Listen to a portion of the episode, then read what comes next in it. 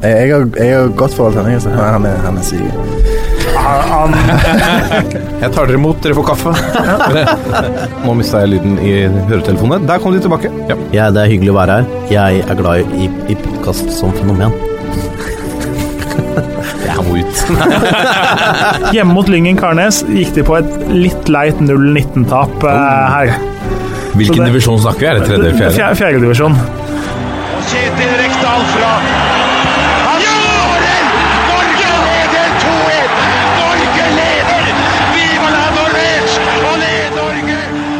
der er eh, toppfotball tilbake igjen. Vi har lagt Eliteserien eh, bak oss. I hvert fall de ordinære rundene. Det samme med Obos, det samme med hele Bredde-Norge, så vidt eh, jeg veit. Og vi har igjen nå fem kamper av norske sesongen 2018. Ja, vi, er det så få? Vi har vel litt Kvalik, flere? Kvalik, to cupfinaler. Ja, altså to siste kvalikene, og så har vi jo junior-NM-finalen, Ja, dame-junior-NM-finalen G16 og J16, så Riktig. da var vi vel oppe i ni, var vi ikke det? Ja, ja, Ni offisielle kamper eh, igjen av sesongen. stemmer. Hvem av de skal du på? Uh, nei, det får se en Stabæks hjemmekamp i kvalik er en mulighet hvis det klaffer. Ja, ikke sant. Ingen av de eh, gutte 16 eller jente 16? Eh, Er, nei, er, de går jo nå til helga, det krasjer litt. er det sånn som er populært blant eh, odds-betterne? De gutte 16 og jente 16? G16 og J16 får du ikke spilt på, heldigvis. Det, men junior-NM får du satt penger på. Men det hvor populært det er, nei. Det er ikke veldig. Uansett, velkommen i studio, Kjernås. Jo, takk for det. Takk for sist. Det var i vår venn Lasse Wangsteins 40-årslag. Det er korrekt. Det gikk eh, for seg, Det gikk for seg. det vi kunne si. Eh, på tampen her også så, så ramla André Muri innom etter en eh, eh, De feira vel gamle helter, Vålerenga fotball, tidligere på dagen. Tror de gjorde det. Så Ja. det var jo, som vi har snakka om før, uh, fint tidspunkt. Så vi satt jo og fulgte serieavslutninga på pub i Oslo. Ja. Nydelig timing. På telefonen. Nydelig. Joakim Bortsen, takk for sist. Takk for sist. Det var, eh, eh, det var en nydelig kveld. Det var hyggeligere enn eh, noen gang. Ja, det, er godt, det er godt å høre. Er du, hvilke av eh, de gjenstående ni kampene, ifølge Kjernas, eh, kommer du til å, å, å få med deg? Jeg eh, vurderer å gå på uh, cupfinalen. Strømsgods Rosenborg på søndag. Den skal jeg prøve å, å få med meg på Ullevål. Gleder meg til det. Og så eh, kommer jeg jo selvfølgelig til å se kvalikkampene.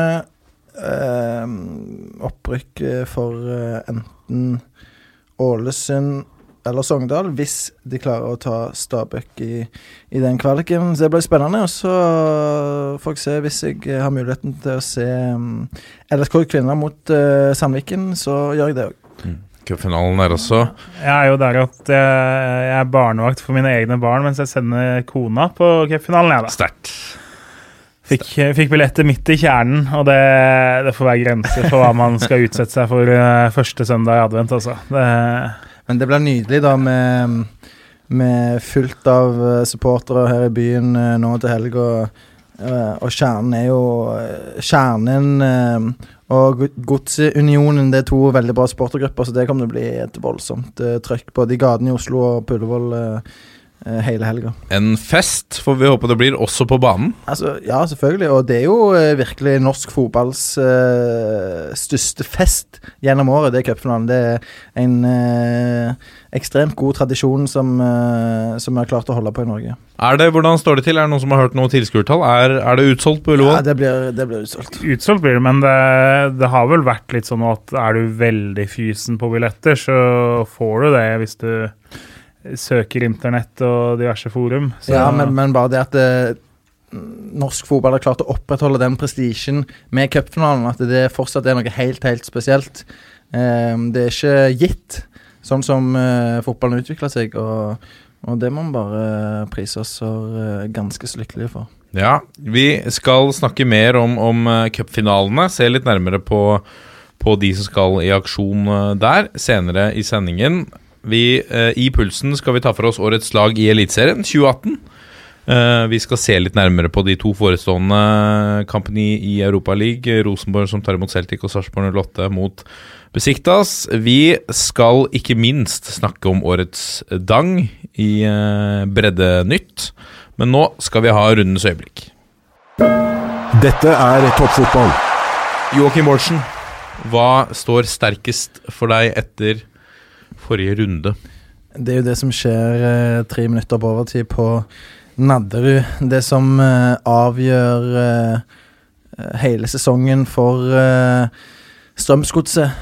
Mustafa Moss Abdelaue skårer sitt andre mål for uh, kvelden uh, mot Sitt åttende for eh, Ja, sesongen? sitt, sitt syvende, for sesongen. Uh, bort mot Stabæk og, og berge plassen for Strømsgodset i Eliteserien. Eh, samtidig som eh, han sender Stabæk ut i kvalik. Det er jo et sånt øyeblikk som eh, Som ikke skal inntreffe for Stabæk, og som eh, selvfølgelig eh, betyr så sykt mye for, eh, for godset. Og, det ser du jo på spillere, på trenere, på supportere som stormer banen eh, kort tid etterpå. Så det er bare Det er sånn du sitter og, og tenker sånn Skal det komme en skåring her? Vi satt eh, alle sammen rundt en eh, mobiltelefon og fulgte sluttsekundene fra Nadderud og tenkte sånn eh, Kan det komme noe her? Og så slår Strømsgodset en lang ball opp mot eh, Stabæk-forsvaret, og så kommer han stuss, og så lander han i beina på Moss, setter han i mål. og eh, det, det er et historisk øyeblikk for, uh, for begge lag, kan det bli. I hvert fall hvis uh, Stabæk ender opp med å gå ned. Og målsniken Moss, da. Han, altså, han er der Ja. på plass. Han Han er det ti kamper fra start bare denne sesongen, syv mål. Uh, han har blitt toppskårer tidligere i, uh, i Eliteserien. Er jo en spiss som skal spille fast, eh, skal spille hver match, og da er en, eh, en naturlig toppskårerkandidat. Så um, han var på vei til Sandefjord i sommer, og han skal være veldig glad for at han ikke endte der. Eh, Da han spilt Obos uh, muligens neste sesong, hvis ikke han hadde blitt uh, kjøpt igjen. Og Strømsgods ikke minst skal være veldig, veldig glad for at de ikke uh, endte opp med å, å slippe han i sommer. Hvor mye har det å si for han den måten han avslutter sesongen på nå, i, med tanke på spissplassen, som jo i utgangspunktet tilhører Markus Pedersen? Altså, dette her vil jo fortsatt være et eh, form for luksusproblem for uh, Strømsgodset neste sesong, hvis de går inn i den med både Markus Pedersen og Moss. For de passer i utgangspunktet ikke sammen. Begge er midtspisser, begge er uh, goalgettere, begge er midtpunktene. eh, vil i hvert fall være det, og passer best til å være det i sine lag. Og da, eh, da er det utfordrende å, å få de til å fungere sammen. Så eh, det mest naturlige vil være at eh, Strømsgodset casher inn på, på en av de, og, og eh, bygger angrepet rundt eh, den som blir igjen. Ja. Jørgen Kjernås, hva har du plukka ut fra runden som var? Du, jeg tenker vi skal til eh, kvalifiseringskampen mellom Ålesund og Nest Sotra. Og da er det jo lett å trekke fram det her kaoset hvor Bohin og eh, Steffen Landro og Nest Sotra-spiller ble utvist sammen. Ja, for, kan vi ta, før vi tar øyeblikket, kan vi ta en recap for hva i alle dager er det som skjedde der? Nei, det var jo litt kaos og litt snodig situasjon, fordi Ålesund vil ha frispark, eh, får ikke det. Og så eh, like etter så skal Nest Sotra ha frispark. Så det er litt sånn Det er mange situasjoner inni det, og så fyres det helt opp. eh, og så kommer han eh, Faiki eh, og dytter til Bohinen fordi han mener Bohinen har sagt et eller annet stygt om familien hans, og det nekter Bohinen for, men det har vært noe fuck og noe greier inne i bildet der, i hvert fall. Så mye adrenalin og kok eh, som gjør at det blir litt dytting, og så er da Steffen Landro borte og eh, ute av sin tekniske sone, så ender jo at- at han også blir sendt på tribunen. Eh, litt sånn kronglete kaosvariant. Og det er uheldig for Nestsotra, som eh, var vel på høyde med Ålesund og kunne fått med seg noe, og så leverer Andreas Lie en sinnssvak redning på overtid der, hvor det Dang eh, Nei, eh, Sondre Liseth er inne og prøver å styre ballen i mål fra halvannen meter, men så er Li da rekker å få opp en hånd, og det er kanskje årets redning, og den kom da helt på tampen av sesongen. Eh, men øyeblikket er jo altså Steffen Landro, Nest Sotra-treneren, er jo eh, en potensiell profil i norsk eh, fotball. Han er jo meldingssterk som få. Eh, jeg ser for meg skulle du hatt en sånn der eh, rap-battle-variant i norsk fotball, så ville jeg gjerne sett han mot Pål André Helland. Eh, jeg tror det kunne blitt bra Yo Mama-nivå på den duellen. Eh, så øyeblikket for meg er en av Landros uttalelser til BA, Bergensavisen, før kampen. Eh, og vi siterer. Vi har f.eks. en svenske her som heter Elmin Nurkic. En fyr som jeg personlig ikke liker. Jeg liker ikke å trene han, jeg liker egentlig ikke spillertypen, og jeg gruer meg til å kanskje måtte jobbe med ham i ett år til. Men statistikken hans er helt enorm. Han tar ut motstanderens beste spiller på hver eneste dødball. Han er et monster, og han sørger for at laget mitt tar poeng. Derfor må jeg ha han her. Det- Fantastisk. Ja, det Det er jo ikke veldig Det er jo ganske unorsk i, i stilen. Ja, altså, det er ikke så veldig internasjonalt heller, får vi si. Jeg, jeg har aldri hørt det lignende, egentlig. At uh, noen henger ut sin egen spiller på den måten, samtidig som han gjør det i positiv forstand.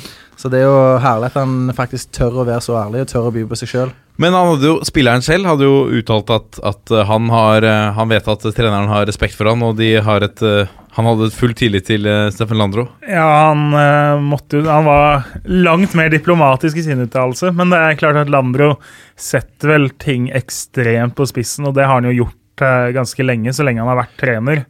Eh, men som sagt, det, hadde han havna oppe i Eliteserien, så tror jeg både Joakims arbeidsgiver og ganske mange andre store mediehus hadde eh, blitt veldig glad i han på veldig kort tid, for å si det sånn. Men vi hadde noen eh, professorer, han har sagt, uh, i, i dette studiet som har skrevet en bok som heter Fiks fotballen, som handlet om uh, veldig mye, men annet dette med trener A og trener B-profil.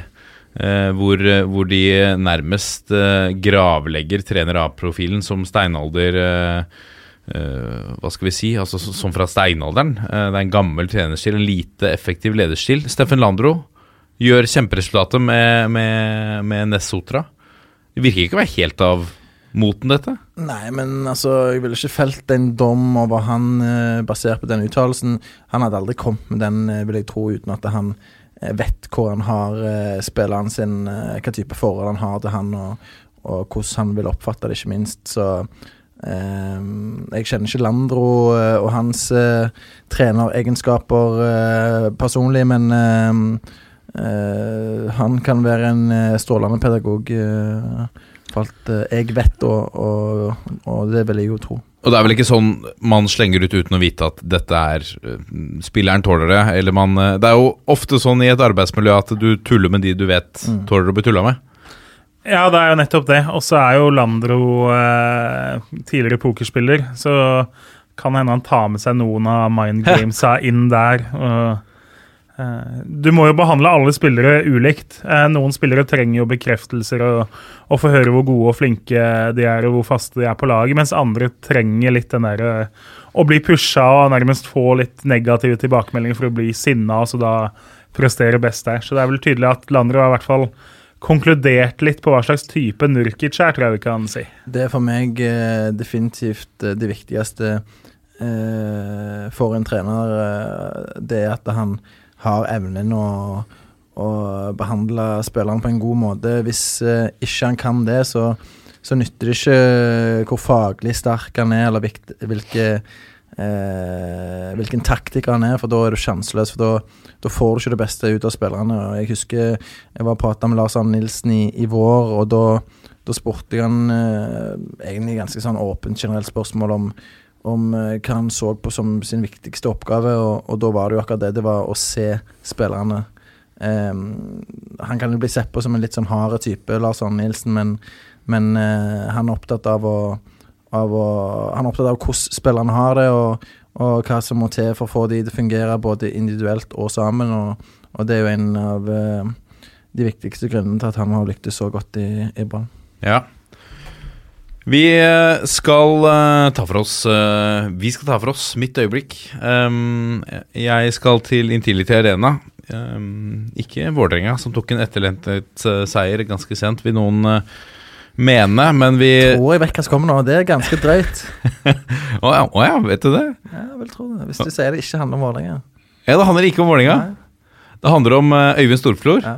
I det 90. minutt, den 38 år gamle legenden, som, eh, som tenkte som Eller jeg tenkte som så at, at her, underholdningslaget, altså årets overraskelse Ranheim, som nå havna til slutt på en syvendeplass, de ser at her taper vi. Så vi bare trekker et sånt, et sånt fris, en frisparkperle opp av hatten, bare for å krone. Vi fikk ikke seieren, men her har dere denne. Ja, Kan dere kose dere med i jula? Skåringa til Øyvind Storefrue. Ja, det er så klasse òg, sant. I hans 400. kamp for eh, Eller ikke for Ranheim, men i Eliteserien.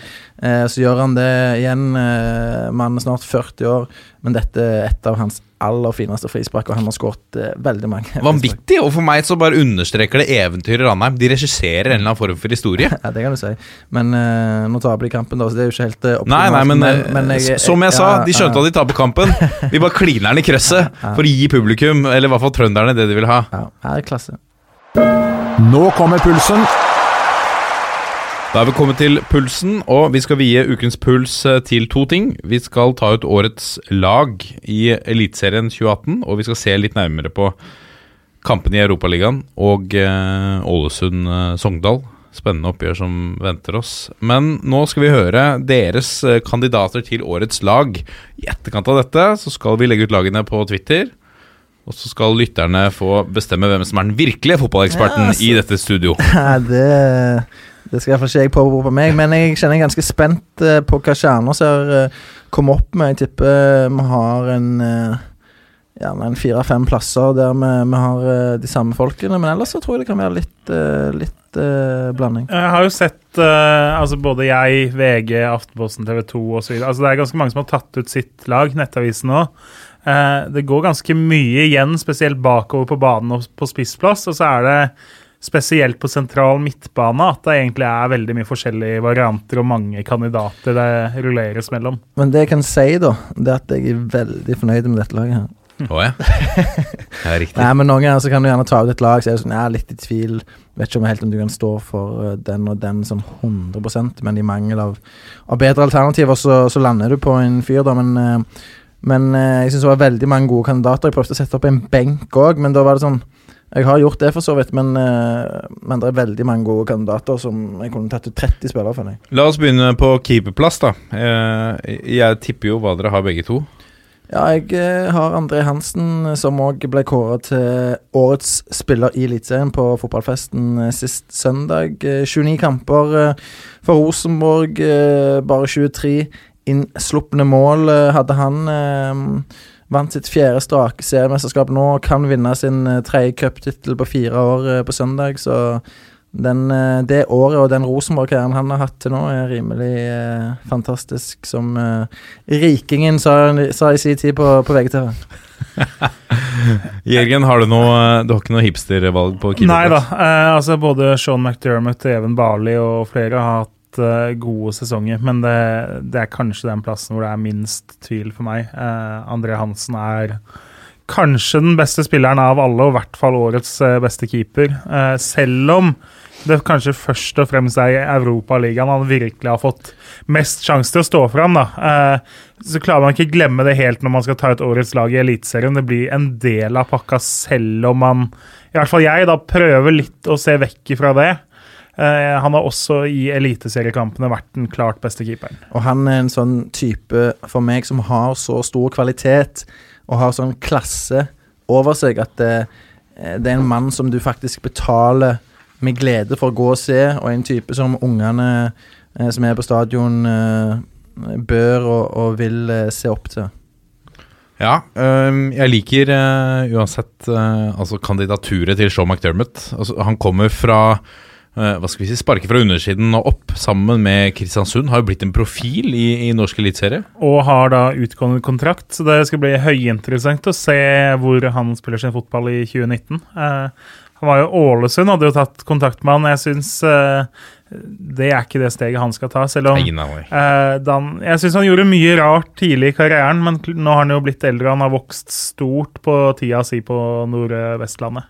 Han eh, kan selvfølgelig bli værende i Kristiansund hvis, eh, hvis de blir enige, men eh, hvis ikke, så, så bør ikke han ha noe problem med å finne seg en eh, meget eh, bra klubb, enten i Norge eller i utlandet. Ja, jeg snakket med han etter Vålerenga og Kristiansund for noen runder siden. Da sa han at Nederland, f.eks., så anså han som et uh, veldig interessant Ja, det- nivå å gå det, til. Det skjønner jeg godt, og han er i en fin alder, uh, naturlig for han, og, og ønsker å ta et uh, steg videre nå. Og så sto han jo i tillegg for et av uh, Eliteseriens TV-øyeblikk når Det var vel en uh, Eurosport-kommentator som skulle intervjue han uh, enten i pausen eller etter en match, og, og starta på engelsk. Men gutten er oppvokst på Sørlandet, så han snakker rimelig bra norsk. Ja, det gjør han absolutt. La oss gå videre til uh, høyrebekkplassen, Kjernås.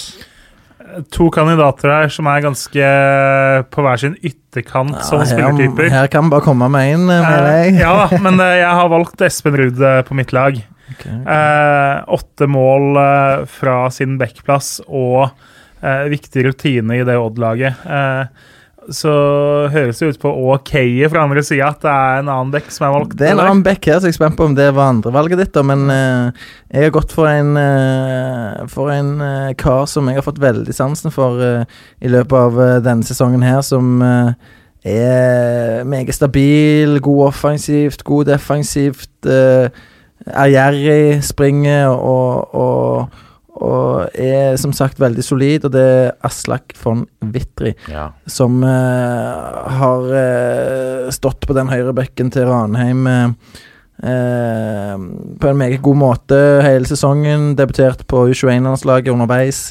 Snakkes om at han kan ende opp i Rosenborg i, i vinter, så for meg er han årets beste høyrebekk i Eliteserien, i sterk konkurranse med Espen Ruud, og du har hatt en Jon Helge Tveita i, i Sarpsborg, som òg har gjort det veldig bra, men gjerne spesielt i, i Europa League. Eh, han har utmerka seg, så um, favoritt for meg.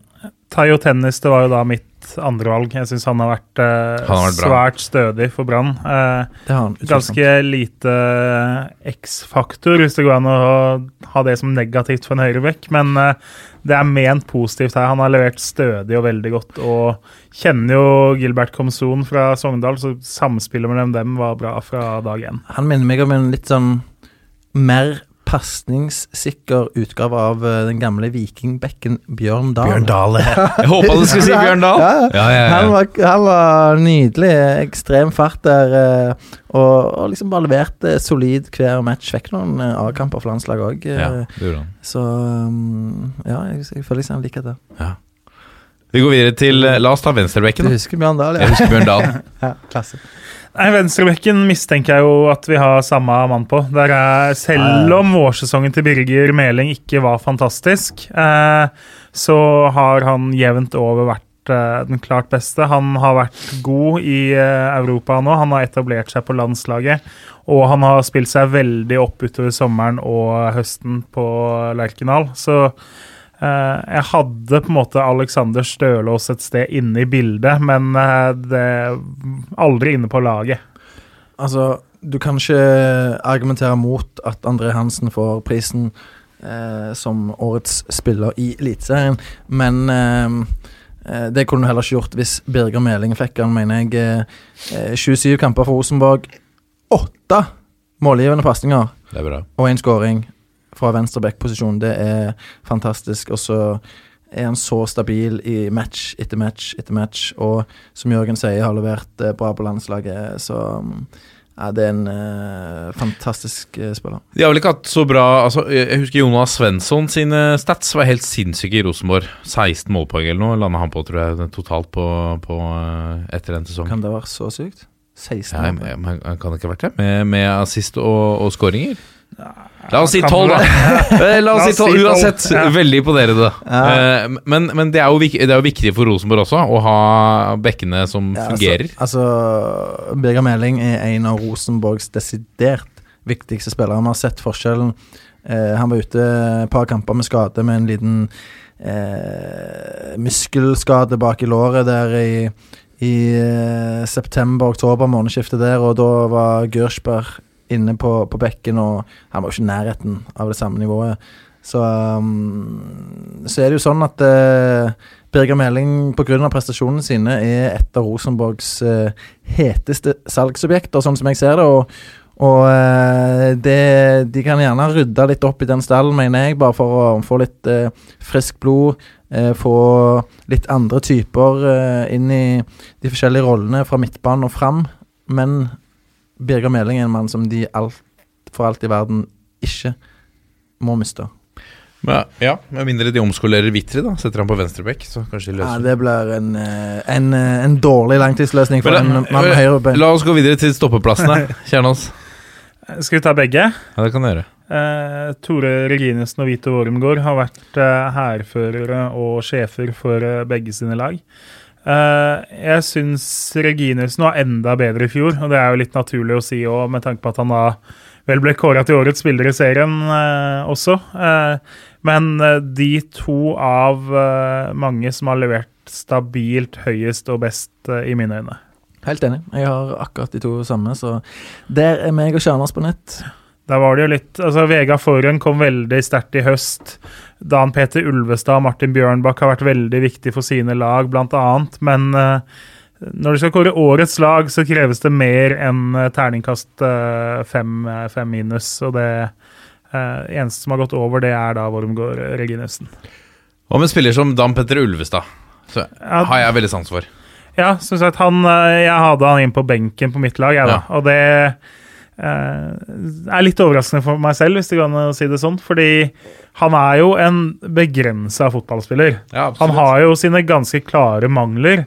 Men han har på en måte utvikla de sidene han er god på, så veldig godt at det er litt sånn godfotteori-feeling over det, nesten. Fordi eh, han har fått lov til å ruve og spille enkelt, og Christian Mikkelsen vet nøyaktig hva det er han skal bruke han til. Og så er jo ikke da motstandere gode nok til å sette han opp i situasjoner som utfordrer han på bl.a. fart. Eh, så da har Ulvestad rett og slett hatt en bra sesong. og han rydder jo unna i eget felt, og det er ikke kult heller å stå og skulle forsvare en dødball og se det der komme luskende opp i feltet heller.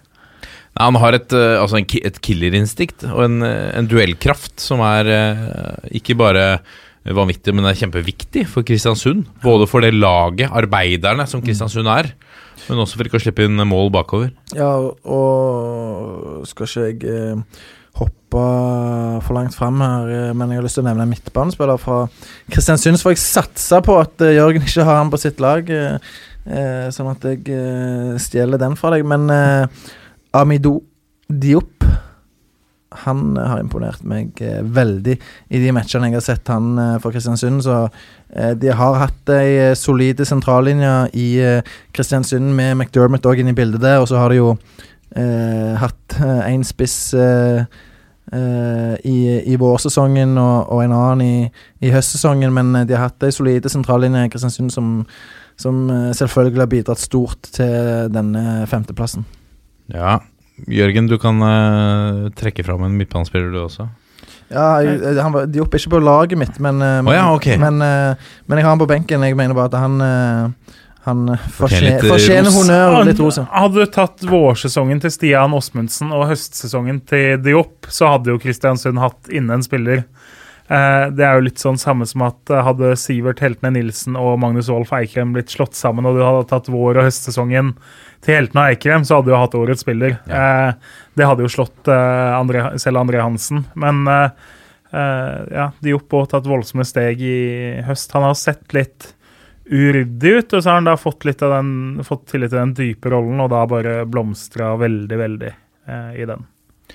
Men la oss ta en uh, Ja. sentral midtbanespiller. her blir det jo fort uh, litt diskusjon, uh, vil jeg tro, fordi jeg har jo hørt at uh, Kjernås vektlegger dette eliteseriekriteriet ganske tungt, som eh, han gjør uh, rett i, selvfølgelig. vet, Men vet jeg hvem du har når du sier det. Ja. fordi jeg har en mann som har passert veldig bra i Eliteserien, og enda bedre i Europa League, Kristoffer Sakariassen. Fire mål på 26 eliteseriematcher. Um, ikke like mange som i fjor, det endte vel på åtte. Men uh, uh, ja, han har vært helt fantastisk i Europa League. Men han har vært glimrende i Eliteserien òg, selv om Sarpsborg eh, eh, har, har slitt i, i store perioder, så, så er han en, eh, en eh, nydelig spiller. En, en spiller som alle lag i Eliteserien vil ønske seg, og en mann som jeg mener gjerne burde stå øverst på Rosenborgs ønskeliste foran eh, neste sesong. Eh, en terrier, en toveisspiller samtidig som kan skåre mål. Eh, han har det aller, aller meste. Men samtidig en av de altså i front da for det laget som har skuffet oss i, i Eliteserien. Altså, hvor mange, ganger, mange kamper gikk de på rad uten seier? Syv? Ja, det hvis, det var, hvis det ikke var åtte. Ja. Uh, uh, og her snakket vi om strake tap. Ja, ja. Eh, så så, um, så ja, selvfølgelig. Det var, det var stygt, men Det blir et definisjonsspørsmål, da. Ja, og Jeg mener det er årets lag i Eliteserien. Jo, men selv om, de, selv om de har tapt mange flere kamper enn en, en du ville tro, og, og på den måten har skuffa, så, så går ikke det utover eh, min begeistring for uh, for å si det sånn. Jeg skjønner. Jeg er litt sånn Han er ikke inne på mitt lag nettopp fordi han har helt klart prestert sine beste kamper i Europa. Eh, 2018 var svakere i Eliteserien enn 2017 for han. Og det, det er klart, du blir litt sånn Det er litt feil å bruke imot en spiller, det òg, men eh, jeg syns han i likhet med laget har fått lide av det at det var torsdag, søndag, torsdag, søndag ganske lenge. Eh, en del anonyme prestasjoner ganske lenge i Eliteserien. Selv om når han er god, så er Sarpsborg gode. Når han er middels, så er Sarpsborg eh, middels, kan du nesten si. Eh, men jeg syns det er andre som har stått fram mer på sine lag enn han, da. Hvem skal du til, Kjell Mats? Jeg har endt opp med en spiller som jeg tror kanskje ikke så altfor mange har inn på sitt lag. Uh, en spiller jeg er ekstremt begeistra for som type og som spillertype. Han kommer aldri til å være best i Eliteserien, men eh, han har hatt en fantastisk sesong, og det er Kristoffer Løkberg. Ja. Uh, så vi kan jo starte med det rolig at han har jo da skåra seks uh, mål, hvorav ganske mange av dem er fra øverste hylle. Og da snakker vi en spiller som vel har fire mål på syv og en halv sesong eller noe sånt i eh, førstedivisjon bak seg.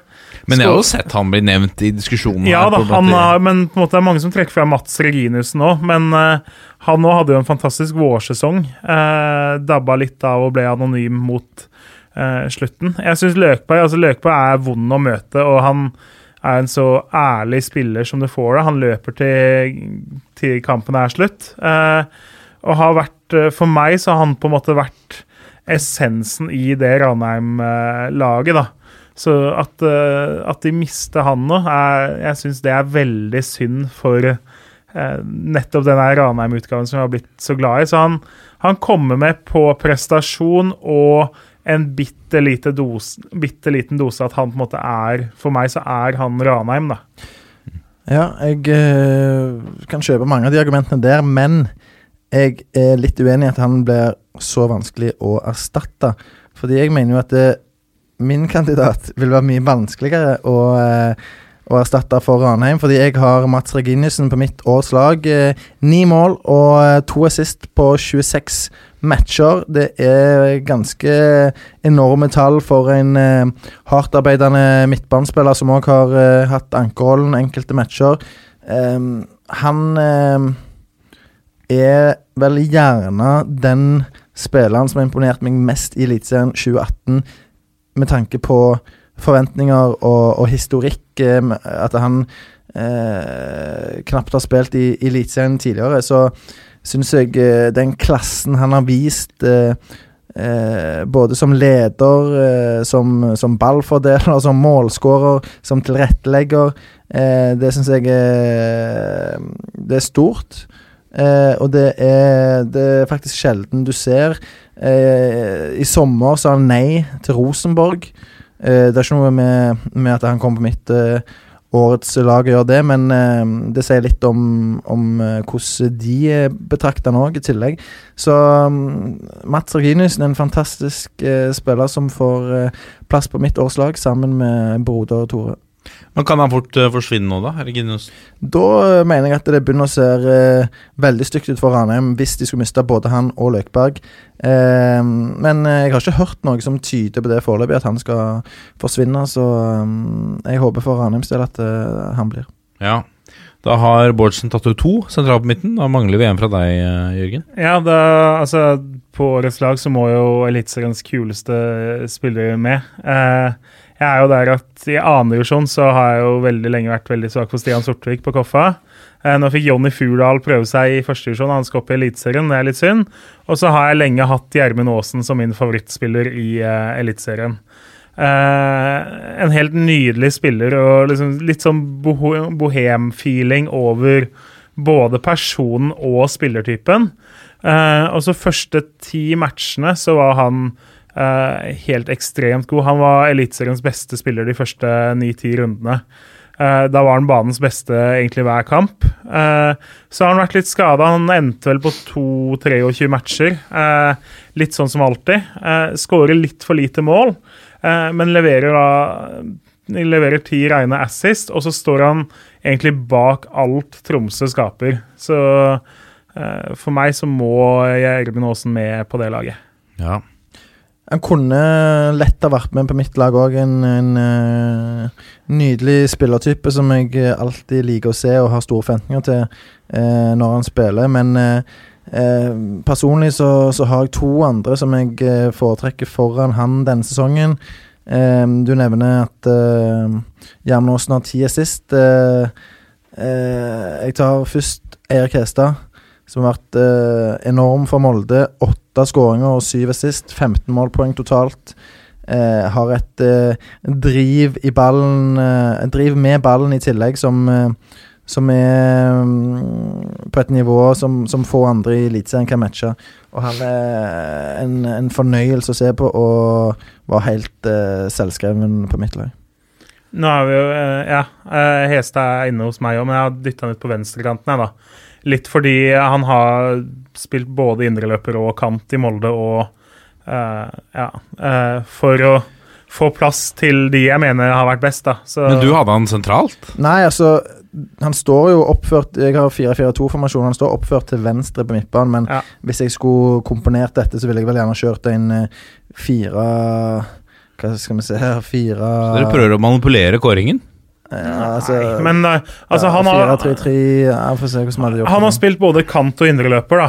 Eh, og kant i 4-3-3 er vanskelig å få til. det hadde han aldri gjort. Det hadde han aldri gjort. Det Nei. aldri gjort. Så- Nei, men, men eh, ja, du får se Det er en litt sånn uh, taktisk uh, Taktisk vurdering. taktisk eh, dårlig 4-4-2-formasjon med tanke på det laget her. Så, men jeg bryr meg ikke så mye om komponeringen. Det er mer på en måte navnet og, og ha med de beste, og, og da var det eh, litt usikkerhet rundt eh, den siste på min midtbane, og det kunne vært Gjermundåsen, men jeg landa på Fredrik Aursnes, som òg har åtte mål og syv assist for Molde, og eh, alltid har vært god. Eh, han vant vel eh, cupfinalen før han var fylt 17 år eh, med Hødd. Um, for å uh, uh, bruke Lars Arne Nilsen som kilde igjen, da. Han sa at eh, da jeg prata med han eh, en gang, at eh, Fredrik Østnes, det var en type som han bare visste kom til å bli god. Han så det da han tok han opp fra juniorlaget i Hødd, at han gjorde alle øvelser til 100 perfeksjon. Hver gang. Jeg var alltid godt forberedt, jeg ga alltid alt på trening. Han kom der for han skulle bli bedre. Og med sånne typer så, så vet du bare at de kommer til å lykkes. Og da er det jo eh, deilig å se at han eh, gjør sin beste sesong i Eliteserien eh, så langt. Ja, det ser jo bra ut for han nå, da. Kun eh, 22 år, så det er jo, han har jo eh, en, en lang framtid foran seg på banen. Definitivt. Kjernås, sistemann på midtbanen. Min sistemann er David Akintola. Eh, som uh, har kanskje vært den som har overraska meg mest. En Eh, fantasy-favoritt for mange. for veldig mange, for han er veldig billig og leverte da Han leverte jo 15 målpoeng, eh, ni skåringer og seks målgivende. De aller fleste av dem fra kant i 4-4-2, eh, eller 4-4-1-1 eh, i Haugesund. Som jo er et lag som har mangla mye offensivt, hvor han på en måte har vært eh, veldig store deler av den beholdninga. Eh, det er en spiller som da kommer fra en ganske middels eh, minus sesong i Jerv i Obos-ligaen. Og så går han inn og er eh, god fra første stund i Haugesund. Så eh, han har X-faktoren, og han har vært eh, god fra første til 30. runde. Så han er naturlig kantspilleren på mitt lag. Han fant vel kjærligheten ganske kjapt opp, i det? Kan ha spilt inn det? Ja, eller ja, han har i hvert fall norsk kjæreste, men eh, ja. Jeg vet ikke om hun var fra Haugesund eller Nei, jeg- jeg så i hvert fall en reportasje med de to. Men eh, absolutt en, eh, en bra mann, det. Jeg eh, har ham på på benken min, jeg kan du si det før vi går videre fra, fra midtbanen, at jeg var faktisk frista til å kjøre Sivert Helten Nilsen inn, selv om han bare hadde 15 kamper. Så viktig mener jeg han var for Brann, og ehm, eh, For meg så, så var han eh, forskjellen på, på den bronsen og, og muligheten til å ta gullet for Brann eh, denne sesongen. Jeg har jo med mine to på midtbanen på benken. Jeg har dytta inn Fredrik Haugen, eh, som har litt av den der samme som Zakariassen, at eh, 2017 var han veldig mye mer framtredende enn i 2018. Eh, står vel bare med syv målpoeng i år, men har fått litt annen rolle med Komson eh, ute til høyre også i det laget. Men jeg syns han har vært stabilt god, men han er ikke god nok til å være inne i noe elver. Og så har jeg fått mer og mer sjansen for måten Vebjørn Hoff har løst den dype rollen på J. Eh, Så han har også fått en plass på benken hos meg. Hvis vi går helt eh, frem, da. Vi skal ta ut eh, to spisser. Vi skal ta ut to spisser hver. Ja, Da tror jeg vi fort ender opp med de, med de samme to. Eh, eh, Frank Bolli, eh, 17 mål og, og tre eh, målgivende for et lag som skal ut i kvalik. Det er råsterke tall, så mm, han kommer ikke jeg unna. Og, og en type som jeg liker, selv om det er ikke alle eh, prestasjonene som har vært like bra. Men han skårer mål, og det er tross alt det viktigste for en spiss. Eh, og eh, det har eh, Og han har vist noen ferdigheter også, måten han ja, skårer enkelte abs mål på. absolutt, men så mener jeg at han gjerne med fordel kunne vært enda bedre i banespillet i enda lengre perioder av kampene, eh, og, og gjerne i, i av flere kamper enn den har vært. Men, men så lenge du skårer 17 mål og, og har tre målgivende, så, så spiller ikke det så veldig stor rolle. Eh, så blir det fort han som, som redder dem fra et nedtrykk òg, når de nå skal ut i kvalik. Ja, Han er jo med hos meg òg, og det, det som jo kan brukes mot han er jo at eh, vårsesongen var ganske ordinær. Han har vel 14 mål i siste halvdel av sesongen, og så tre mål i første. Eh, men så kan du også si at det er ingen andre spisser som heller har vært stabilt gode over 30 matcher. da. Så Ja, Markus Pedersen har vel det motsatte. Ja, for han ble jo fikk denne skulderskaden sant, og, og røyk ut. Og så må vi huske at eh, eh, det som gjør denne prestasjonen enda bedre, det er jo at Frank Bolli har kjempa seg tilbake fra en eh, stygg korsbåndsskade som han pådro seg i Ålesund. Stabæk eh, sa 'kom til oss, eh, vi skal ta deg inn selv om du er, er skada eh, i lang tid framover. Vi skal trene deg opp, eh, vi skal, skal veilede deg', så Og de har jo gitt uttrykk for at de har veldig troa på han også. Det har de sagt. Frank Poli kommer tilbake fra skade. De forventer seg store Ja, han, ting. var, han var jo fantastisk eh, i, i den forrige perioden i Stabæk òg, før han ble solgt til kinesisk fotball. Så Ja. de har vært eh, veldig kloke her, og, og er igjen i en posisjon der de kan, hvis de vil, trolig selge han for eh, tosifra antall millioner. Men det var jo med en gang Henning Berg kom inn og de la om til 4-4-2, så blomstra jo han. Han hadde jo, spilte jo litt ut av Kant. posisjon eh, Ja, under spilte Tony Ordinas. Til så- venstre er en 4-2-3-informasjon. Yes, så han Det hører jo med til historien her om en svak vårsesong. Ikke sant at da spilte han faktisk ute av posisjon, så han, Han kan var rett jo og slett utilfreds i store deler av baren. han kan jo takke da Henning Berg for at folk eh, på en måte vet hvem han er, omtrent, for å si- si det veldig brutalt. Altså, ingen hadde nevnt han som kandidat hvis Ordinas hadde blitt, for da hadde han, eh, da hadde han ikke vært inne om du tok ut åtteårets lag engang. På, på vårsesongen så hadde ikke han vært med i troppen. Da har dere Boli begge to. Kjernas, hvem har du ved hans side? Altså, det er litt samme der, at jeg var litt jeg, jeg satt på en måte og prøvde å finne hvem skal inn i stedet for Erling Braut Haaland. Fordi han også har jo da skåra seks av eh, måla sine mot Brann, som jo var eksepsjonelle prestasjoner, spesielt den i Mørgen. Og vært mye opp og ned, og det har blitt mye for han med U-landslagsfotball og eh, interesse her og der. Eh, Men han er, han er inne på årets lag, og han er definitivt den spilleren som har eh, tatt de største stegene denne sesongen her. Og eh, selv om han er så ung at prestasjonene har variert en del, og det ble en del benketid i vår på han òg, så har toppene han har vist, gjort at han må med på årets lag. Bårdsen, jeg regner med at du kanskje sitter med det samme? Helt det samme har jeg eh, Erling eh, Braut Haaland. Han er en 2000-modell, eh, bare 18 år, men 191 kilo muskler fra Jæren, så 191 kilo. 191 centimeter og uh, sikkert eh, rundt 80 kilo, vil jeg tro. Han har vært fryktelig vond Ja. å møte hvis han har 191 kilo. Det, Ja, da, da har det vært imponerende mobil til, til å ha den vekta. Nei, men eh, liten bom der. Men eh, fryktelig sterk, eh, rask eh, og har målteft. Eh, bedre kombinasjon eh, for en spiss eh, får du knapt, så Har vi sett noe bedre sammen... Det er veldig tidlig og Ja, altså, vi har jo, vi har jo Jon Carew. Ja, det, er- det jeg skulle si. Har vi noe, er- sett noe bedre sammensetning enn en siden Jon Ja, Carew? Siden Jon Carew har vi vel gjerne ikke gjort det av en norsk spiss. Det på, på sittende fot her, holdt jeg på å si, så, så klarer ikke å komme på noen andre, iallfall. Så han er litt i den samme kategorien, og, og av de rå fysiske forutsetningene, så, så gjør det han veldig spennende.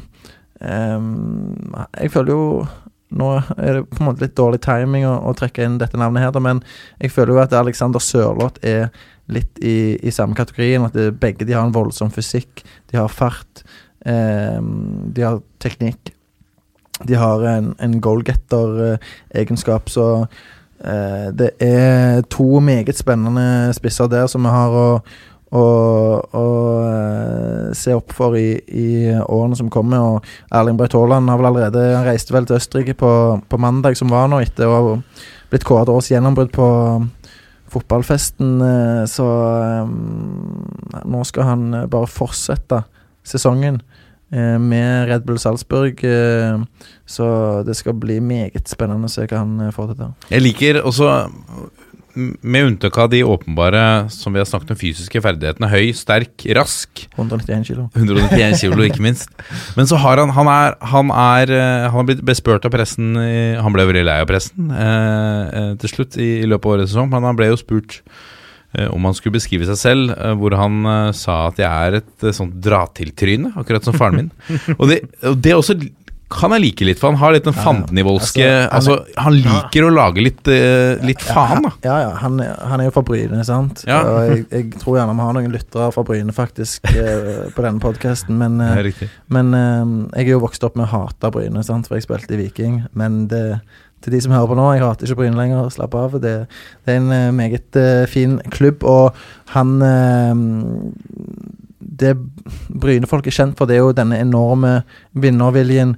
Denne ærgjerrigheten, denne galskapen som, som gjerne var en mangelvare i Viking da, i en lang periode, men som endelig er tilbake der, noe som er deilig å se. Men Erling Braut Haaland har jo alt dette her. Eh, akkurat som faren var en eh, kriger, eh, så, så er han det. Eh, og um, han er jo et dra-til-tryne eh, i positiv forstand. Eh, jeg var jo på fotballfesten på jobb på, på søndag, og da Noe av det første som skjedde da, det var jo at både spillere og, og trenere og andre folk, inkludert meg, sto i sånn stort uh, salområde før uh, selve prisutdelingen skulle begynne. Og da møter Erling Braut Haaland vikingtrener Bjarne Berntsen. og så uh, Det første han gjør da, det er at han, etter at mange har gratulert Bjarne Berntsen med opprykket og, og, og sagt hvor fantastisk ramme det var rundt Viking, Kongsvinger og sånn, så kommer Erling Braut Haaland gående, og så han bare, tar han Bjarne Berntsen i hånda og så sier han bare gratulerer. Dessverre. så så han, eh, han eh, kommer aldri være noe Viking-supporter, men eh, Bryne har jo allerede casha inn eh, bra med penger, for fordi de fikk eh, Vel, jeg tror det var 20 eh, de hadde i, eh, i eh, videresalg, så Det er en pen sum, det meget pent. Så, så ja, dra til trynet, men eh, bare positivt. Skal man holdt på å si, trekke ned noe på Haaland, så er det jo Jeg syns han har en litt sånn uryddig avslutningsteknikk fortsatt. Altså, han er ikke den kliniske avslutteren ennå. Han har masse å gå Eh, på. Masse han- i men, banespill òg. Ikke sant, som du sier, Han er 2000-modell, han er født dette årtusenet. Så det kommer jo. Men, og jeg tror han veit ganske godt at nå skal han opp eh, et steg på liganivå, og på forventninger i klubb så skal han opp eh, to nivåer. Eh, Så det er en av tingene han må jobbe med først eh, for å slå seg inn på det Salzburg-laget, som jo er veldig godt og kom til semien i Europaligaen sist sesong. Men så har han den mentaliteten som gjør han så ekstremt spennende. sant? Han kunne hatt de ferdighetene han har, um, og, og hatt langt vanskeligere for å lykkes uh, internasjonalt uh, enn, det han, enn det jeg tror han har. Fordi han har denne skallen som, som eh, som sier til han at han er best, på en måte. Han er et enormt talent, men han skal òg bli verdens eh, beste spiller. Det var noe han sa, sa til meg på søndag. Eh, så eh, han er ikke redd, sånn som jeg eh, tolker han i det hele tatt, for å dra ned der. Andre unggutter som er 18 år, ville gjerne pist i buksa di for å, å dratt ned til et lag som har herja med, med Rosenborg i Europa League denne sesongen her, og har masse eh, sterke personligheter. Eh, eh, som det jo ofte er i, i garderober på, på dette nivået i, i utlandet. Så eh, det kunne vært skummelt for mange, det, men jeg tror han kommer til å takle dette her på en, på en veldig god måte. Ja. La oss eh, rase videre til eh, nettopp eh, Europaligaen og Rosenborg som tar imot eh, Celtic. Hva, hva er det å si Det er jo selvfølgelig et eh, litt mer spennende oppgjør vi skal snakke rett etterpå, men, men vi skal ikke bruke så veldig lang tid på dette, for det er en del lyttere som kanskje hører på dette når disse kampene er ferdig spilt. Men eh, Rosenborg møter Celtic, eh, står med null poeng så langt. Hva henter de ut fra denne matchen? En god opplevelse, forhåpentligvis. De må bare, og det tror jeg de innstiller på òg, at eh, de vil vise seg fram nå på en eh, god måte på hjemmebane. Betyr det å angripe, eller betyr det å legge Ja, seg? det, nei, nei, nei. Det betyr å, å spille på Rosenborg-måten. Eh, noe de eh, strengt tatt ikke har gjort det i Europa, eller ikke makta å gjøre i Europa denne sesongen her. Jeg håper vi får se et Rosenborg i, i 4-3-3 som, som går ut og, og angriper og, og står høyt og presser Celtic på sin egen hjemmebane. Så håper jeg de får en god opplevelse mm, nå kort tid før cupfinalen mot uh, Godset. Og det er jo selvfølgelig et eh, et uh, aspekt som eh, Rini Kulen må ta i betraktning her. Hvis han har noen spillere med noen skavanker, så, så hviler han nok de. Og så er det jo òg et spørsmål om han skal spare de viktigste spillerne sine for å unngå at de ryker på en smell nå rett før cupfinalen. De har jo allerede bekrefta at Pål André Helland spiller jo ikke. Han har jo en muskulatur som eh, er litt eh, bingo. Han tar ikke to kamper på tre dager. Han, eh, han står definitivt over, det har de bekrefta nå til bl.a. Adresse. Og så ellers så ser det ut som det blir toppa mannskap. Det er i hvert fall det de har trent med de siste dagene. Så det vil si André Hansen inn i mål igjen. Han eh, sto jo over, så Arild Østbø skulle få tre kamper og få seriegullet eh, i siste kamp mot Glimt. Og så kommer da de landlige inn for Helland på høyre kant, og så ellers er det de ni eh, fra et toppa mannskap som også spilte mot eh, Bodø-Glimt. Så Eh, nesten toppa, vil jo si at eh, Fordi Jebali er også Han er eh, ikke helt eh, frisk ennå. Eh, ikke helt klar, så han og Helland spares. Ellers så er det toppa mannskap. Ja.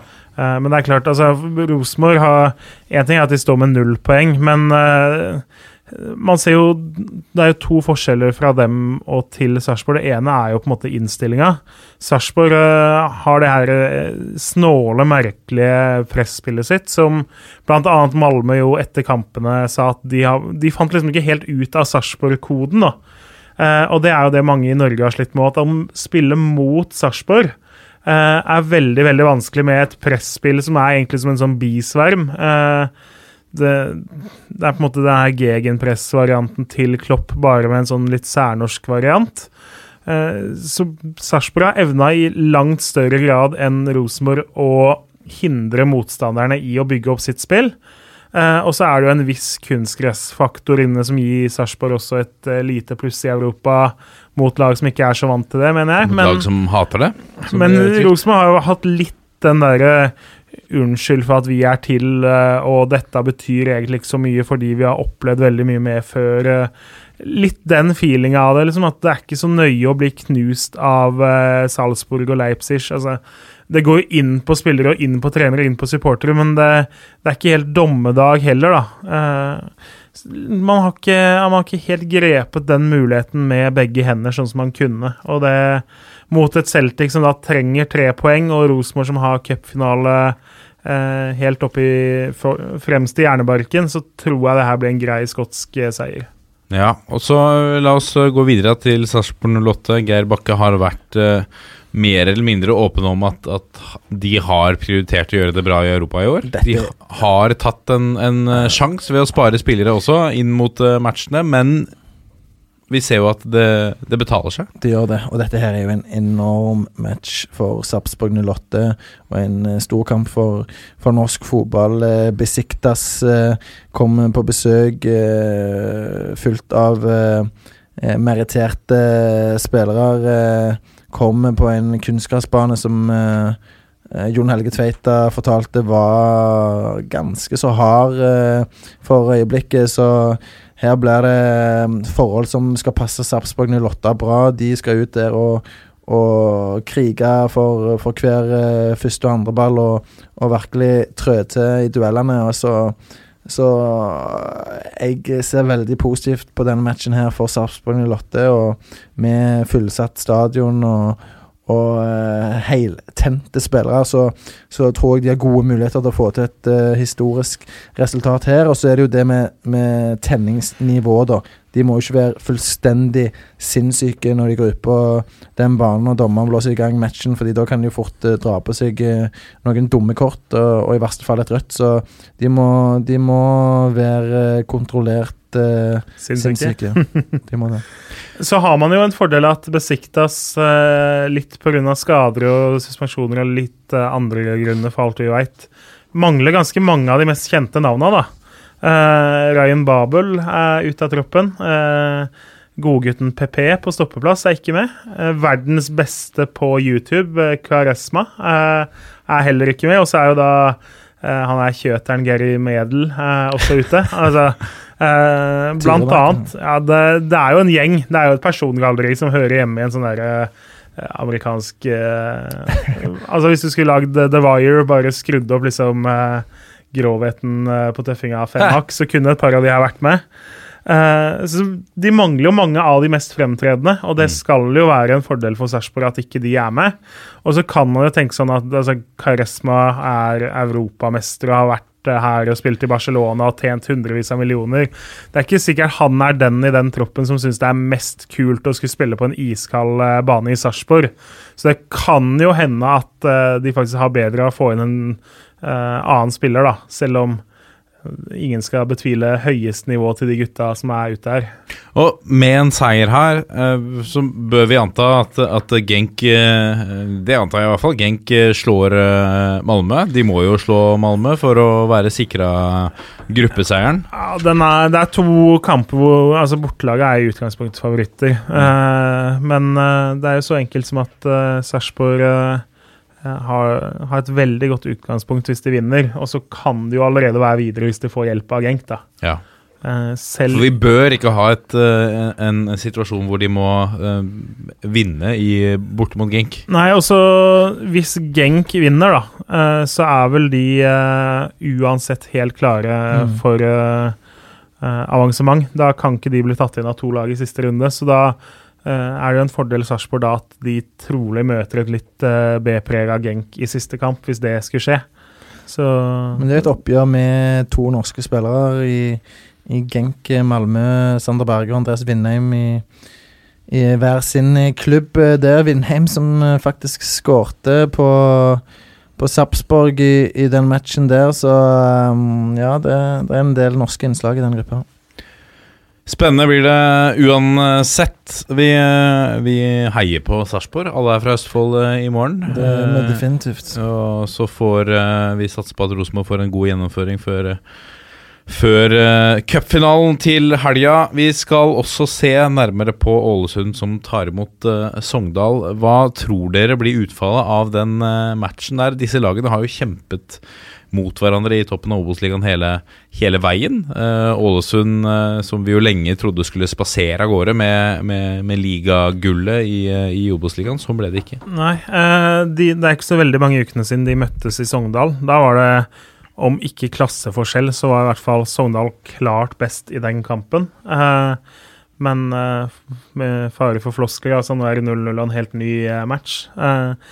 Eh, begge Ingen av de to lagene har levert noen gode forestillinger på søndag. De rota seg litt videre eh, og, og hadde marginene med seg da. Eh, så er det to lag som Altså Sogndal har klart å nulle ut Ålesund ganske bra, i hvert fall den forrige matchen her, og uh, unngå at de skapte så mye. Uh, samtidig så er altså grunnen til at Sogndal endte ganske langt unna direkte opprykk, er jo at eh, de også er for forutsigbare. Eh, de har Sigurd eh, Haugen som har scora mye, og som finner på eh, litt uforutsigbare ting, men ellers har det blitt et lag som har stått for litt lite overraskelser offensivt. Da. Så det er to lag som litt for sjelden er veldig sprudlende, men som er stødig defensivt. Så for meg så er det en helt jevn kamp. Ålesund er favoritt pga. hjemmebane og fordi de er et lite hakk bedre. Eh, jeg, tror det blir en veldig målfattig kamp. Se for meg at eh, 1-0, 0-0, 1-1 er ganske trolige resultater her. Så jeg blir ikke overraska om det her går til ekstraomganger eh, og potensielt straffer. Dette er toppfotball.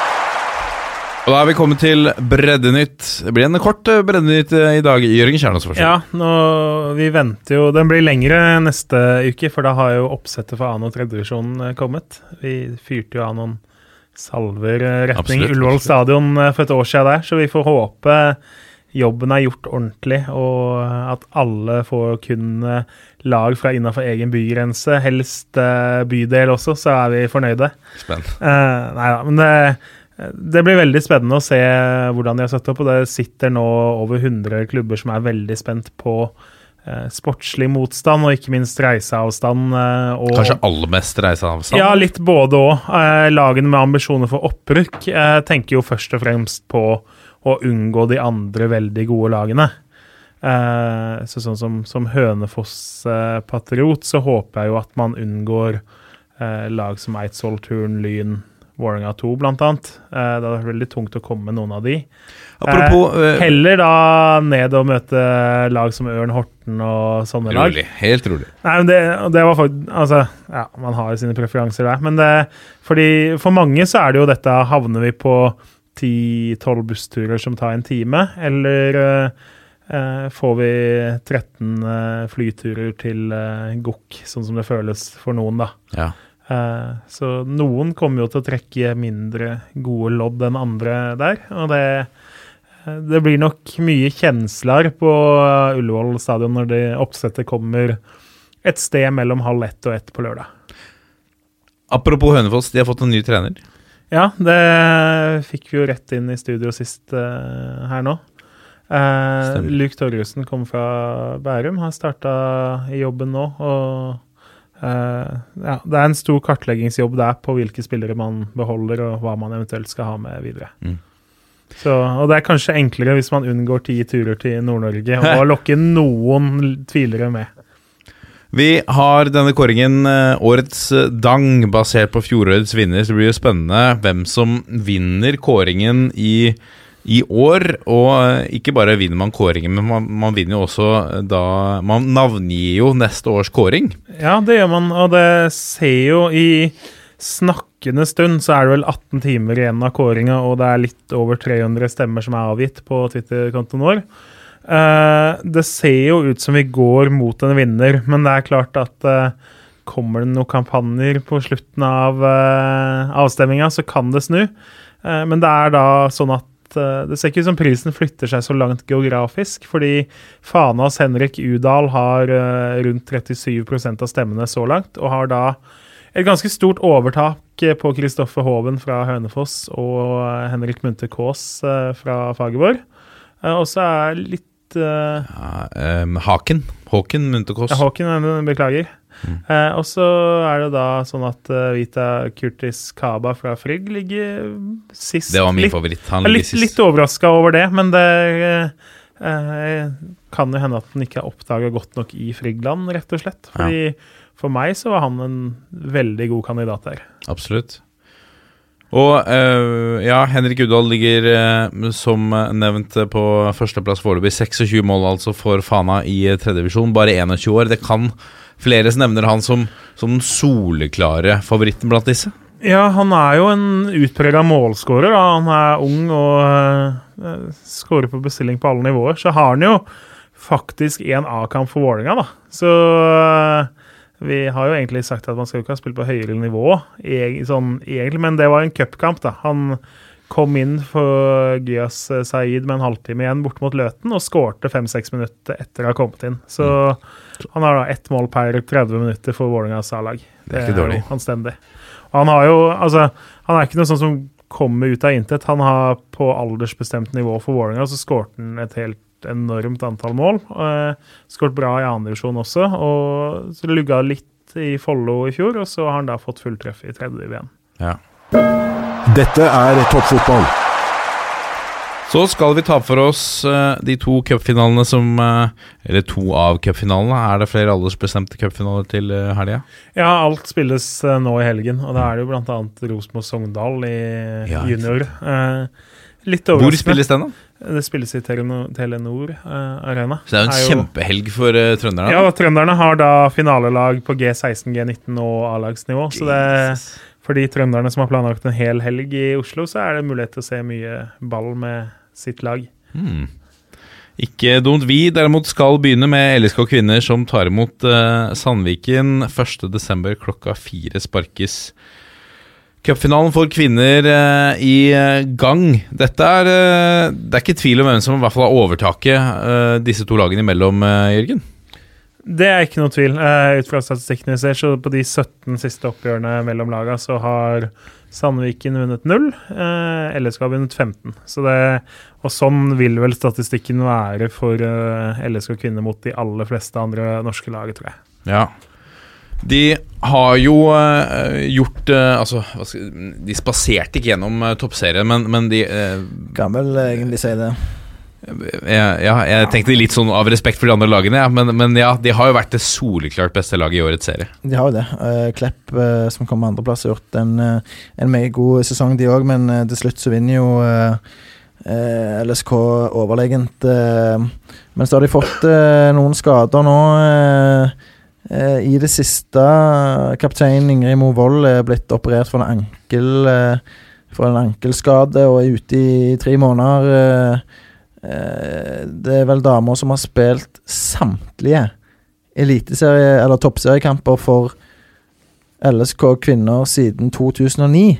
Det er helt eh, vilt, faktisk. Jeg tror det er den statistikken at den statistikken er så syk. Så, så nå går jeg glipp av uh, av cupfinalen, men eh, men eh, er vel tilbake igjen i i eh, mars eh, til, til Champions League og, og eh, til, til neste sesong. eh, og så har du òg Ingrid Kvernvolden, som eh, er operert for eh, en korsbåndskade, som pådro seg i, i den siste toppseriematchen mot Røa. Eh, det er òg synd.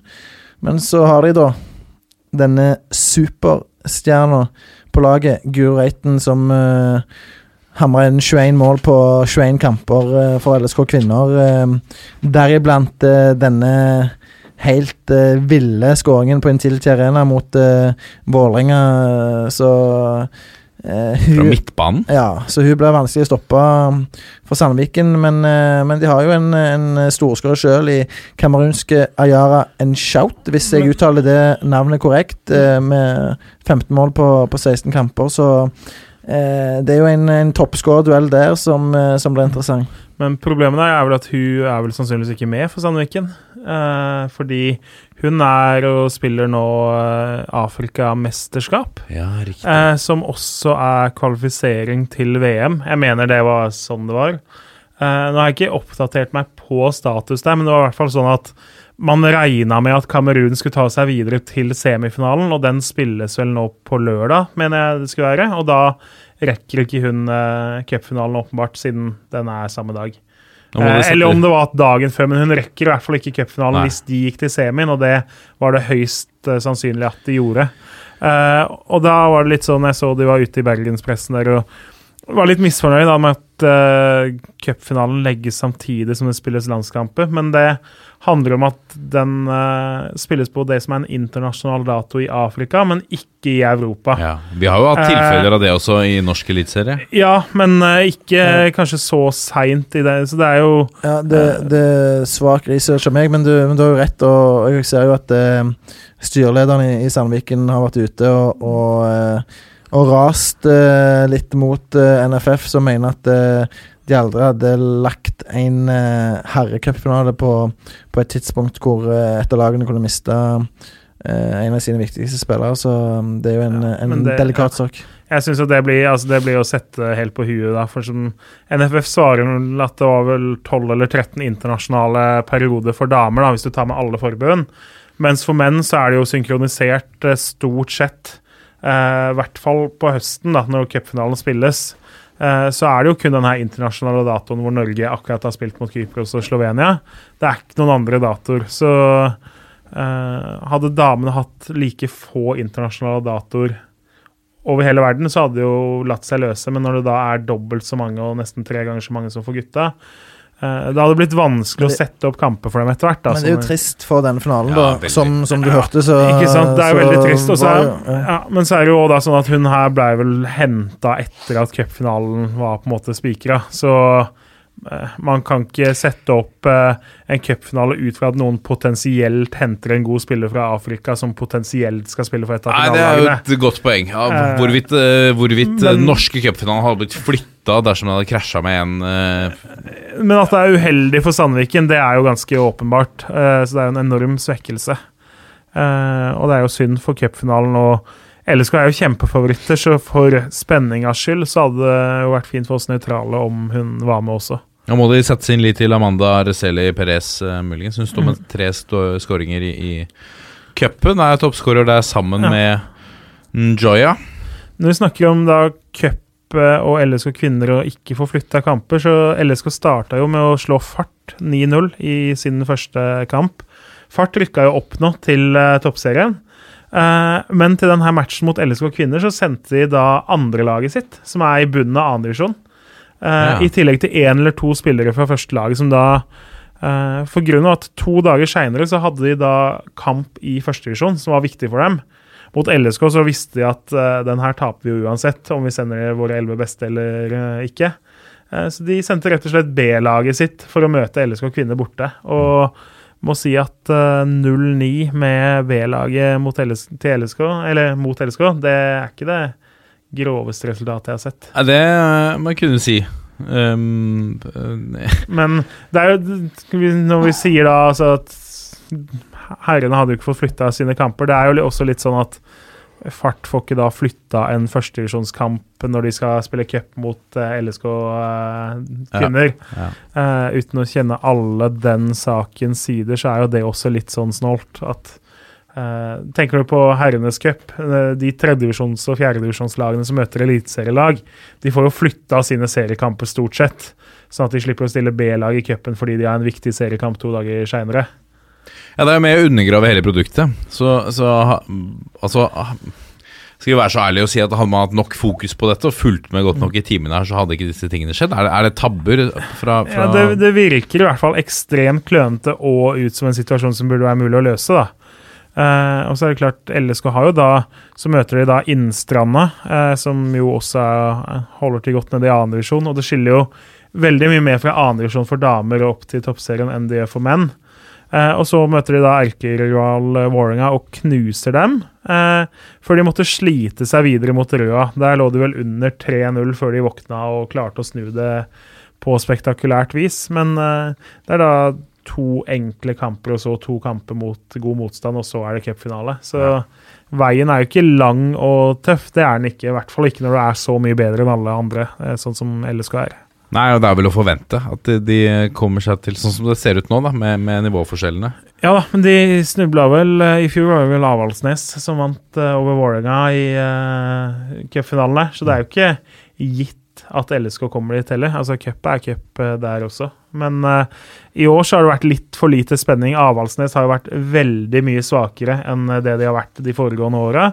Vålerengas eh, harde satsing har ikke gitt de sportslige resultatene som man håpa. For de hadde vi veldig tro på før sesongen. Så der hvor LSK da har hatt Avaldsnes som en ganske jevnbyrdig eh, utfordrer de siste åra, så har eh, Klepp og Sandviken vært veldig langt bak i år i forhold, som Ja. ble nummer to og tre. Og det er veldig gode prestasjoner av dem, men ikke i nærheten av den utfordringa som LSK har hatt uh, tidligere år da, i Avaldsnes.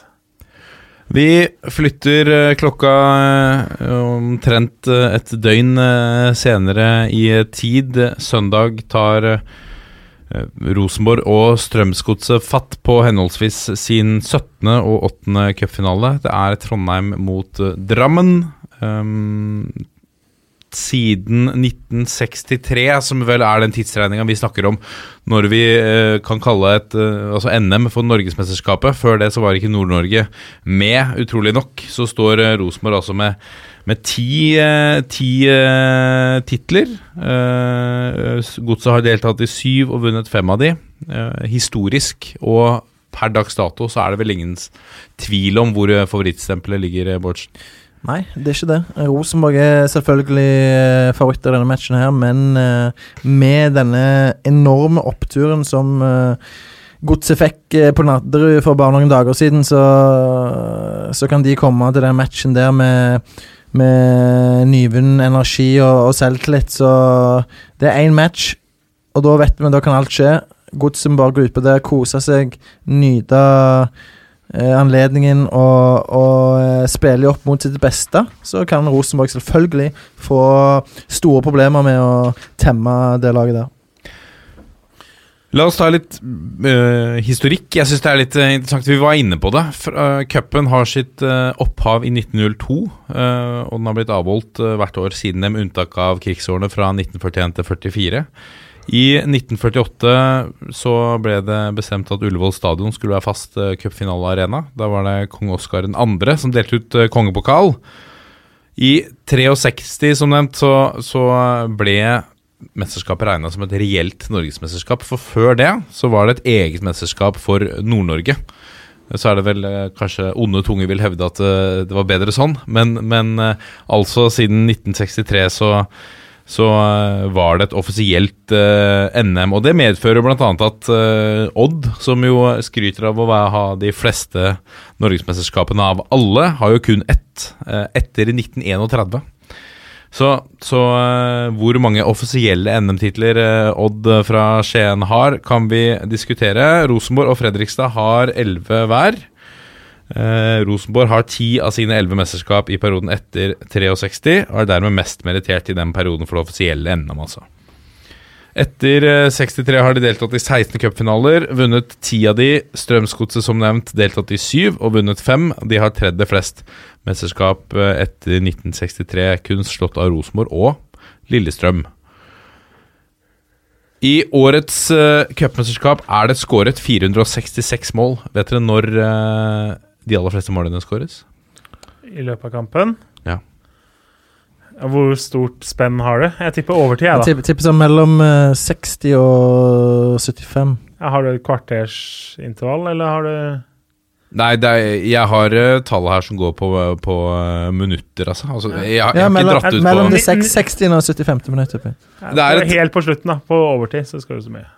25 av skåringene har kommet i eh, eh, Hva skal jeg si? 25 av skåringene har kommet i mellom 88 og 90. minutt. Ja. Yes. Det er uh, Ok, Så er det nummer to, da? da? Ca. 5 da. Det er det meste. Nummer to her altså, Dette er jo, dette er jo grafer, karer. Nå, Så, nå, nå, så gi nå meg sitter litt grann, Roppestad og tolker en litt uoversiktlig graf. Ja, for det er ikke tabeller her nå. Derfor du eh, Ja, ja, ja, ja. tenker litt. Hvis, hvis, hvis vi kikker litt her, da skal vi se. Det ser ut for meg som 31. minutt i, i andre omgang. Altså mm. etter 1 og 86. Nei, dette blir bare Nei, nei, nei det, det stemmer ikke. Neida, dette var øh, Men det er klart det skåres veldig mye på slutten 76, da, tenker du på. 76 minutt. 76. minutt er helt riktig. Det er helt riktig. Mm, da bomma jeg der òg. 60-75, sier jeg. Men det, men det er altså eh, et, eh, en vesentlig andel av skåringene som kommer i slutten av kampene. Det er kanskje ikke så overraskende. Nei. Det er eh, veldig mange av de klubbene fra lavere divisjoner er tappet for krefter. det, Du ser jo at det er mange som ofte holder unna 0-0-1-1 lenge, og så kommer 1-2 der, og da bare raser hele korthuset, og så blir det to-tre baklengs til på slutten. Det Ja. skjer i veldig mange av de kampene. Eh, men når du skal snakke om de lagene her, så er det jo, hvis du skal, er fra Drammen og skal skremme en litt uh, middelaldrende RBK-supporter, så er det jo bare å si Odd Johnsen eller 1991. Ja, Eh, så blir de jo kanskje livredde. Eller i tillegg si eh, Ola By Riise og Ullevål i samme setning. Så Eller si Moss, som er delt toppskårer i årets eh, cup, som Tobias Lauritzen. jo da, det går også an å si. Litt eh, Ja. Eh, nei, Godset slo jo Rosenborg i 1991. Jeg er litt for ung eh, for å huske det, men har jo sett eh, høydepunktene. Og da også Godset gikk jo ned, men vant cupen. Og det er jo overraskende mange av spillerne fra den kampen som har blitt trenere i Eliteserien, egentlig. Altså både Vegard Hansen og Arne Erlandsen var med på vinnerlaget, mens Ola By Riise, Trond Henriksen og Kåre Ingebrigtsen jo har prøvd seg som trenere fra Rosenborg-laget. Så eh, Og Trond. Henriksen er jo inne i teamet i dag. ja da. Eh, og så har man jo spillere som er aktive ennå. Både Vegard Hansen og Roar Strand spiller jo fotball ennå. Så det Vegard Hansen eh, er på leit etter klubb, hørte jeg i, i, i en annen fotballpodkast. Nå husker jeg ikke om det var Heia Fotball eller, eller fotballklubben. Nei, pass. Men det er den vraka da i Vikersund i en alder av På jakt etter ny klubb. Ja. Nå har han, jo, han har jo flytta hjem på stadion. Nå sporer vi helt av cupfinalen, men eh, Vegard Hansen har jo nå solgt huset sitt i Vikersund og flytter inn på stadion i Mjøndalen. Er dette sant? Ja, så han har kjøpt seg leilighet bak eh, Det er vel over bortesupporterne, tror jeg. Eh, så hvis Vegard Hansen skulle få karantene en match, så trenger han ikke sette seg på tribunen. Han kan egentlig sette seg på eh, terrassen sin, rett og slett. Fantastisk. Eh, sitte da og øse sine ukvemsord ut fra terrassen. Det, og det må være deilig på en varm soldag, da, tenker jeg, når, når det er trening. Så trenger du ikke være nede på banen. Du kan bare kjøpe deg sånn der Ropert? ropert, rett og slett, og sitte på Sitte og grille litt pølser eh, samtidig. Ja, for Hvis han er sjuk, sykemeldt, det kan jeg aldri se på meg at han er, for øvrig. Men så kan jo han fint følge treningene fra, fra sofaen. Ja, det kan lønne seg å legge noen ekstraøkter òg, så får han det òg med seg. Så, men det kan bli en delikat sak for NFF hvis han blir utestengt og sitter på balkongen og gir di direktiver. Så nei, men det er jo morsomt. Jeg vet ikke om så mange andre trenere som bor på stadion til laget de trener. Nei, Det er jo mange som gjør det i overført betydning, men Ja. eh, ikke i så Ja, eh, en- bokstavelig betydning. Det er vel en del som har hatt uh, noen uh, sengeplasser på, på stadionområdet. Det er vel gjerne inkludert Vegard Hansen. Han har vel hatt det sjøl. Men, uh, men ja, nydelig. Hvis vi ser for oss, ser for oss Hvis vi tar for oss veien til Ullevål her for de to lagene, hvem er det dere syns har hatt den enkleste veien til cupfinalen? Altså, nå har ikke jeg eh, sett på alle matchene, men uh, Rosenborg har vel hatt uh, tre strake hjemmekamper uh, som har bidratt til at de har hatt en, en, en fordel, i alle fall, i de siste matchene inn mot uh, cupfinalen. Så det er alltid Alltid viktig å, å få de siste tøffeste matchene på, på hjemmebane. Altså, I cupen det viktigste er jo å være god i trekninga, eh, rett og slett. Eh, du ser jo godt så greit at de hadde en kvartfinale bort mot Haugesund som er ekkel og er noe av det vanskeligere du kan få, men de fikk da Ranheim hjemme i fjerde runde og LSK hjemme i semifinalen. Eh, og bare det å trekke hjemmebane i semifinalen er jo en enorm eh, fordel. Så de har jo ikke hatt en veldig kinkig vei, det gjelder. Nei. Det er ikke mer enn du må forvente. Det er litt enklere enn du kan frykte. Enig i det. Der er det jo den kvartfinalen borte mot Haugesund som er i utgangspunktet Unntak, ja. ja, som, er, som er utgangspunktet er veldig tung på, på ei, ei grasmatte der. Men så er det jo det du sier med den semifinalen. da Det er veldig stor forskjell for godset å spille på et eh, kunstgras i, i Drammen kontra ei, ei eh, grasmatte på Åråsen. Og så er det jo du ser, altså, De gikk jo greit videre, begge lag til slutt, men uh, Rosenborg lå vel under mot uh, Trygg Lade der en stund i første match. Slapp altså inn Ja. to mål mot et fjerdedivisjonslag og vant bare 4-2. Uh, ganske forsiktig sifre til å Uh, være Rosenborg. Uh, Så slo de bare Brattvåg uh, 1-0 i ja, tredje runde. Brattvåg slo ut Molde kampen før, så klart at Brattvåg skapte mye ugagn eh, i cupen. De Mm. Eh, slo ut Molde og Slo de ut Ålesund runden før, eller var det i fjor? Altså, Brattvåg har vært cupdøde her flere ganger, i hvert fall. Ja. Så eh, det har de definitivt. Men eh, også klarte Rosenborg da Skårer da på overtid mot Start i semien, hvor jo Start Ja, stilte ganske B-prega mannskap. Søderlund der i, i aller siste sekund eh, eh, satte ned mål der. Da røyk det noen penger på oddsen òg, husker jeg. Det blir eh, to spennende kamper uten eh, tvil. Vi gleder oss eh, til cupen. Cupfinalen er, og vi er veldig glad for, sånn som du sier, Joakim, at cupen har fortsatt den statusen den har, og det er noe stort å spille på, på Ullevål og, og når det er finalen Ja, i ja, nå har Rosenborg Eller nå gjør Rosenborg-gutta det for tredje gang på, på fire år. eh, så det er jo en enorm prestasjon, eh, bare det. eh, og det kan jo være at det blir litt mindre spesielt for dem, siden de har vært der nå så mange eh, mange av de samme gutta. Men eh, uansett en, en, eh, en folkefest. Vi bruker ofte ordet folkefest, men dette her er virkelig en folkefest. Vi med fullt av folk i Oslos gater, og, og det er cupfinaleshow, og det er gutter og jenter som, som koser seg og, og eh, tar T-banen opp til, til Ullevål der og,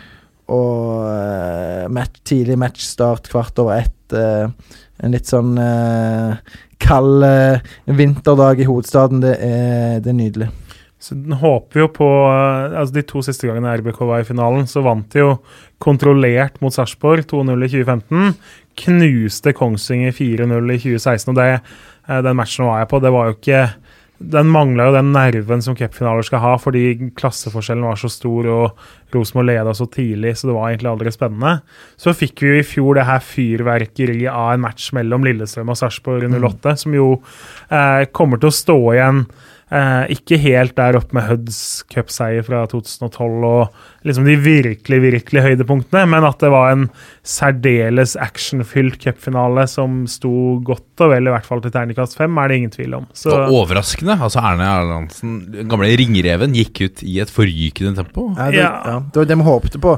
At, uh, at Lillestrøm, som, som forrige sesong stort sett uh, la seg lavt og, og starta presset på egen banehalvdel, selv på Åråsen under Arne Erlendsen, at de skulle gå ut høyt mot Sarpsborg, og det gjorde de. Og det ble eh, en eh, fantastisk finale, som Jørgen sier.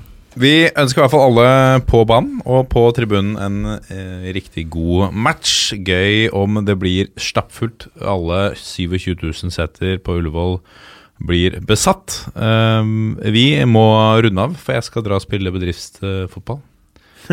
Det er, Hvem er det mot denne gangen? eh, Denne gangen er det mot Sporveien. Sporveien. Det kan bli tøft. Hva, Ja. hva, heter laget ditt? Eh, Ørn Krish. Så det er jo det gamle uh, syvendivisjonslaget som nå har gjenoppstått fra de døde og tar plass i vinterserien Femmer fotballbedrift. Klasse. Ja da. ja da Vi er eh, Toppfotball på Facebook, Titter og Instagram. Gå gjerne inn der og send oss en melding. Da blir vi glad. Og um, det er nærmer seg slutten av, av eh, årets uh, Dang. Uh, gå inn og stem der hvis du ønsker å eh, sno den fra Henrik Uddal. Ja. Ja. så må de stemme på årets lag. Årets lag, det er helt riktig. Hvem er den egentlige fotballeksperten i Nei, dette studio? nei, men det skal avgjøres nå på ditt foretrukne sosiale medier. Hvilket lag? Hvilket lag er årets lag? Eh, Vi legger ut eh, både Bårdsen og Kjerna sitt lag på, på Twitter. Kan du gå inn der og stemme deg. Så, så trekker vi ut en av de som, som stemmer. De får en toppfotballkopp. Ja, gjerne i, i 2020. Jeg- har- Nei, den Jeg- jeg har kommer i 2019. Jeg har sett en del misnøye. Ah, ja! eh, Christian venter ennå på Ja. sin, kanskje? Christian venter fortsatt på La sin. La kommer til mannen deg snart, få Christian. eh, kopp. Ja, la mannen få sin kopp. Ok! Én, to, tre. Vi er en gjeng. Ja, det er vi. Ha det bra! Ha det.